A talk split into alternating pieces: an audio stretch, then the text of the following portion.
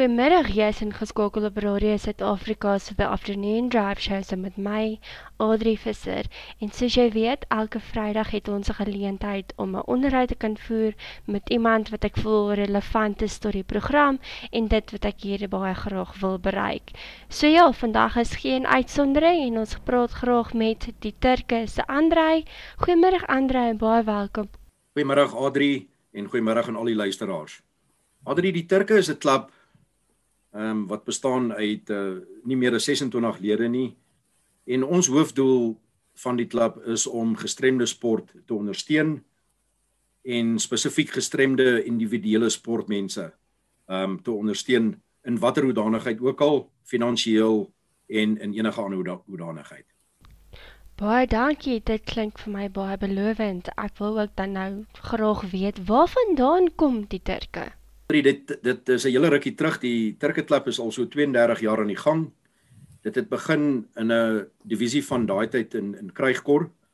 Uh, 'n divisie wat se naam is Infoplan. Dit het die IT-dienste vir die Suid-Afrikaanse weermag gedoen. En dit was 'n klomp jong manne, die jong leiergroep kan ek sê in die in die organisasie.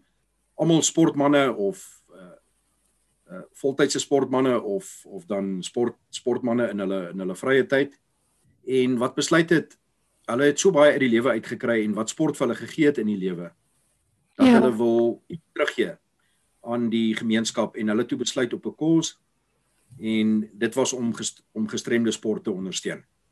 Andrei, kan jy graag vir my net gou gedeel hoe het julle die naam van die Turke dan nou toe gekry?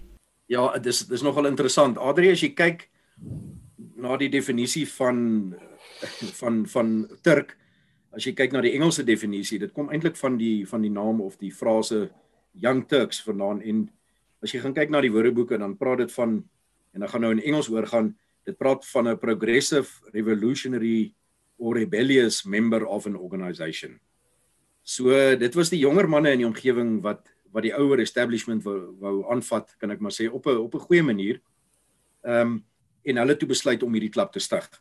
Daar is 26 lede in die klub aanvanklik was dit die Alpha Club wat uit 26 natuurlik die karakters van die alfabet bestaan het maar na so 2 3 maande het hulle besluit op 'n beter naam en dit is toe waar hulle op die Turke uh, die Turke Club gekom het. Andreing het los gesê die Turke staan vir Ja, so Turke Turke is uh die definisie van van die van die Turke kom van die Engelse frase young Turks en dit dit definieer of word gedefinieer as as jy gaan kyk na die na die woordeboeke praat hulle van 'n progressive revolutionary or rebellious member of an organisation. En dis gewoonlik die jonger leierskap in enige organisasie wat dan die establishment ehm um, aanvat en wil vernuwe in enige organisasie. So dis waar dit vandaan gekom het aanvanklik. Andre ek self moet sê ek dink dis 'n baie unieke naam en ag tot julle identiteit en wie julle is as manne en as 'n groep saam. Ek praat sommer nou uit eie ervaring uit en um een dingetjie wat vir my nogals altyd baie snaaks was is as ek gesê het dat ek geborg was deur die Turk het almal gedink dit is mense wat van Turkye afkom. Ek het altyd net gelag daaroor. Maar volgende wil ek graag by jou weet, hoeveel lede het julle en natuurlik hoe kies julle julle lede?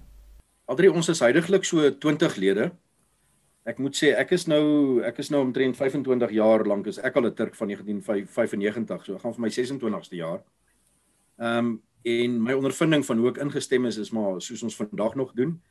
So dit is die Turke die huidige Turke lede is 'n vriend of 'n kennis of 'n iemand in die in die netwerk wat hulle ken wat dieselfde wat dieselfde belangstellings deel en dieselfde karakter eienskappe het jy weet ons is almal vriende. En uh wat dan gebeur is 'n uh, persoon word genooi na die na die Turke klub toe vir so 2 of 3 um ander meetings of byeenkomste en daarna vind on, vind 'n uh, demokratiese stemproses plaas waar tydens 80% van die lede moet stem vir die lid. Um ons stem gewoonlik gewoonlik ek moet sê in my in my in my volle tydperk het was daar omtrent nooit 'n 'n tyd gewees dat ons nie iemand ingestem het nie. So ehm um, dis hoe dit dis hoe dit gebeur en ons was ook nog baie min oor die 25 jaar dink ek was ons so 4 jaar terug het ons die 26ste lid ingestem, soos ek sê ons is heidaglik uh 20 en en sy bynaam in die Turke, hy ons ons gebruik nie eens meer sy gewone naam nie. Sy bynaam is 26.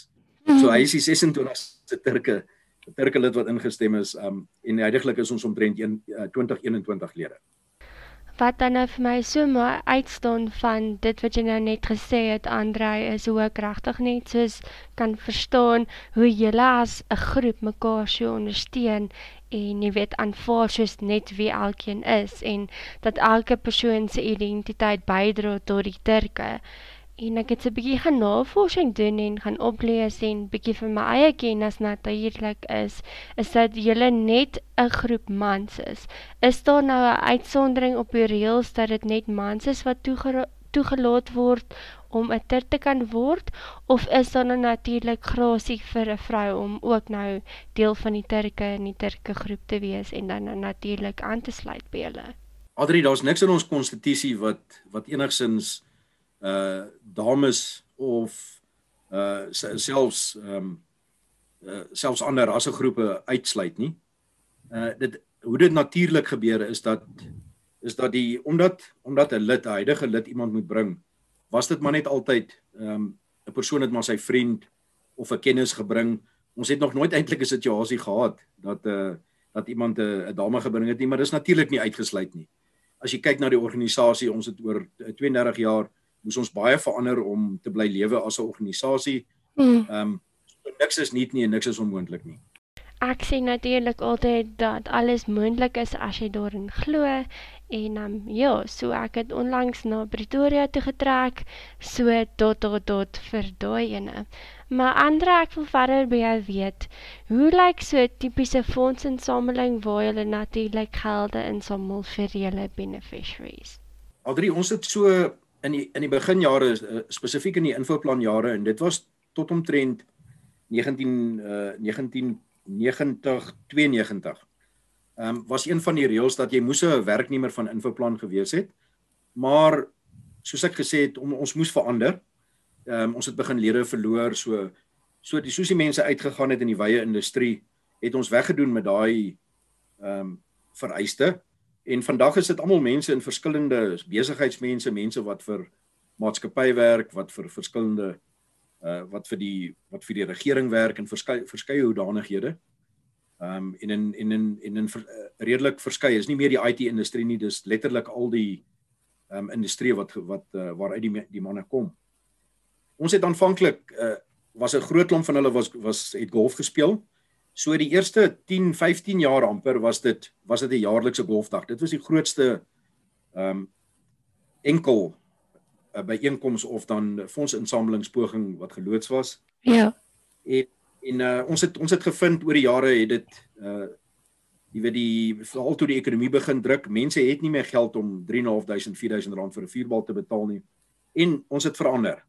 So ons het toe begin om om te kyk na uh musiekaande so ons het een of twee keer 'n jaar hou ons hou ons musiekaande waar tydens ons dan 'n bekende musiekgroep of 'n bekende bekende musiekpersoonlikheid nooi en 'n groot gedeelte van die van die fondse gaan dan vir die gaan dan vir die klub.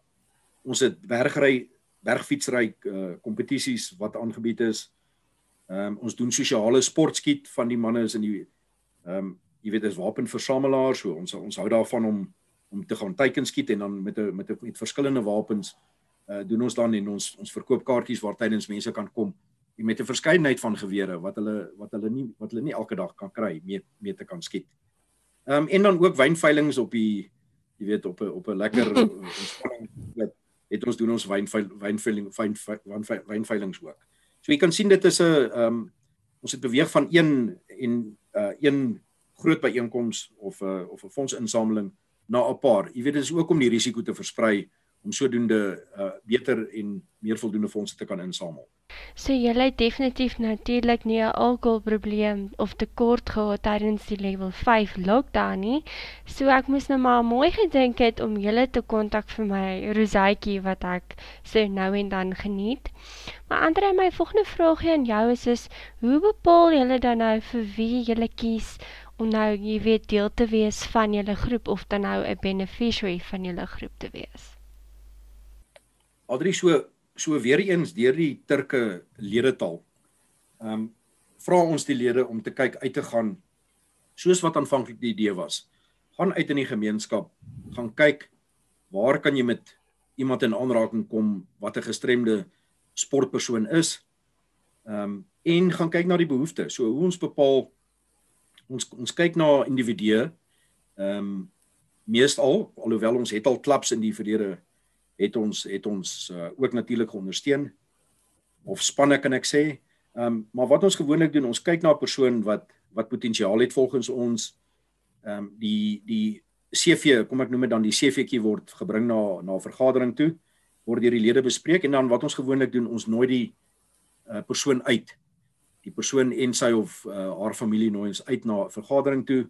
Ons gesels met hulle, ons ontmoet hulle. Ons idee is nie om eenmalig iemand te help nie, maar om 'n pad te stap met 'n begunstigde. Ehm um, en dit is hoe ons uh, gedoen het en vir die luisteraars, ek, ons het met jou Adri het ons 'n pad van meer as 15 jaar gestap as as 'n ja. as 'n gestremde sport persoon. So so ja, dis hoe ons dis hoe ons kies. Ons doen dit op meriete. Ons kyk na die be, na die behoeftigheid van die en die omstandighede van die persoon en daarvolgens besluit ons maak ons dan 'n besluit um, en ons help die persoon. Soos wat jy nou vroeër genoem het, Andrei, het ek natuurlik die geleentheid gehad om een van julle beneficiaries te wees op die ouderdom van 13 jaar oud en dit was in die begin van my swemloopbaan waar ek net begin swem het en my familie net nie die finansies gehad het om my swem te kon ondersteun nie en ek was nog jonk onervare het nog nie eens my eie identiteit jy weet gehad nie en tog het julle potensiaal in my raak gesien. So ek haal my hoed af vir julle wat soos net die eienskappe het om dit raak te sien wat in 'n mens is wat ons self nog nie eens op daai stadium geweet het ons het nie. Ek bedoel as jy gaan kyk na my swemloopbaan in 2001 het ek nie eens geweet wat behoorlike rugslag was nie en toe ek verander in 'n paralimpiese swemmer met 6 Afrika rekords op die ouene van die dag agter my naam waar ek genomineer was vir SA Sportvrou van jaar in 2014 en ook verskeie lande gaan gaan sien dit en natuurlik Suid-Afrika gaan teenwoordig het en ek dink baie van daai geleenthede sou egter onmoontlik gewees het as dit nie vir die Turke se hulp was nie. Ek weet van 'n van 'n persoon se kant af waar jy die onderhoud voer, moet jy objektief bly, maar natuurlik in hierdie geval gaan dit nie so kan wees nie want alles wat ek is en alles wat ek bereik het is deur julle ondersteuning en julle liefde. Ja, ek waardeer dit ongelooflik baie. Adri, ons het ons ons het heidaglik so 6 begunstigdes. Ehm um, en hulle is almal ons is regtig baie trots op hulle en soos soos jouself wat hoë hoogtes bereik het in in jou sportloopbaan. Het van ons huidige begunstigdes ehm um, jy weet van hulle is wêreldrekordhouers en nasionale rekordhouers. Ek moet da, ek moet daarom net ook sê, dis nie waarop ons fokus nie. Mm. Maar ons kyk na potensiaal en dit is vir ons baie belangrik dat hierdie individue wat ons kies eintlik uitgaan dan as ambassadeurs van die Turke Klub sodat gestremde sportpersone na hulle kan kyk en dit as 'n motivering vir hulle kan dien.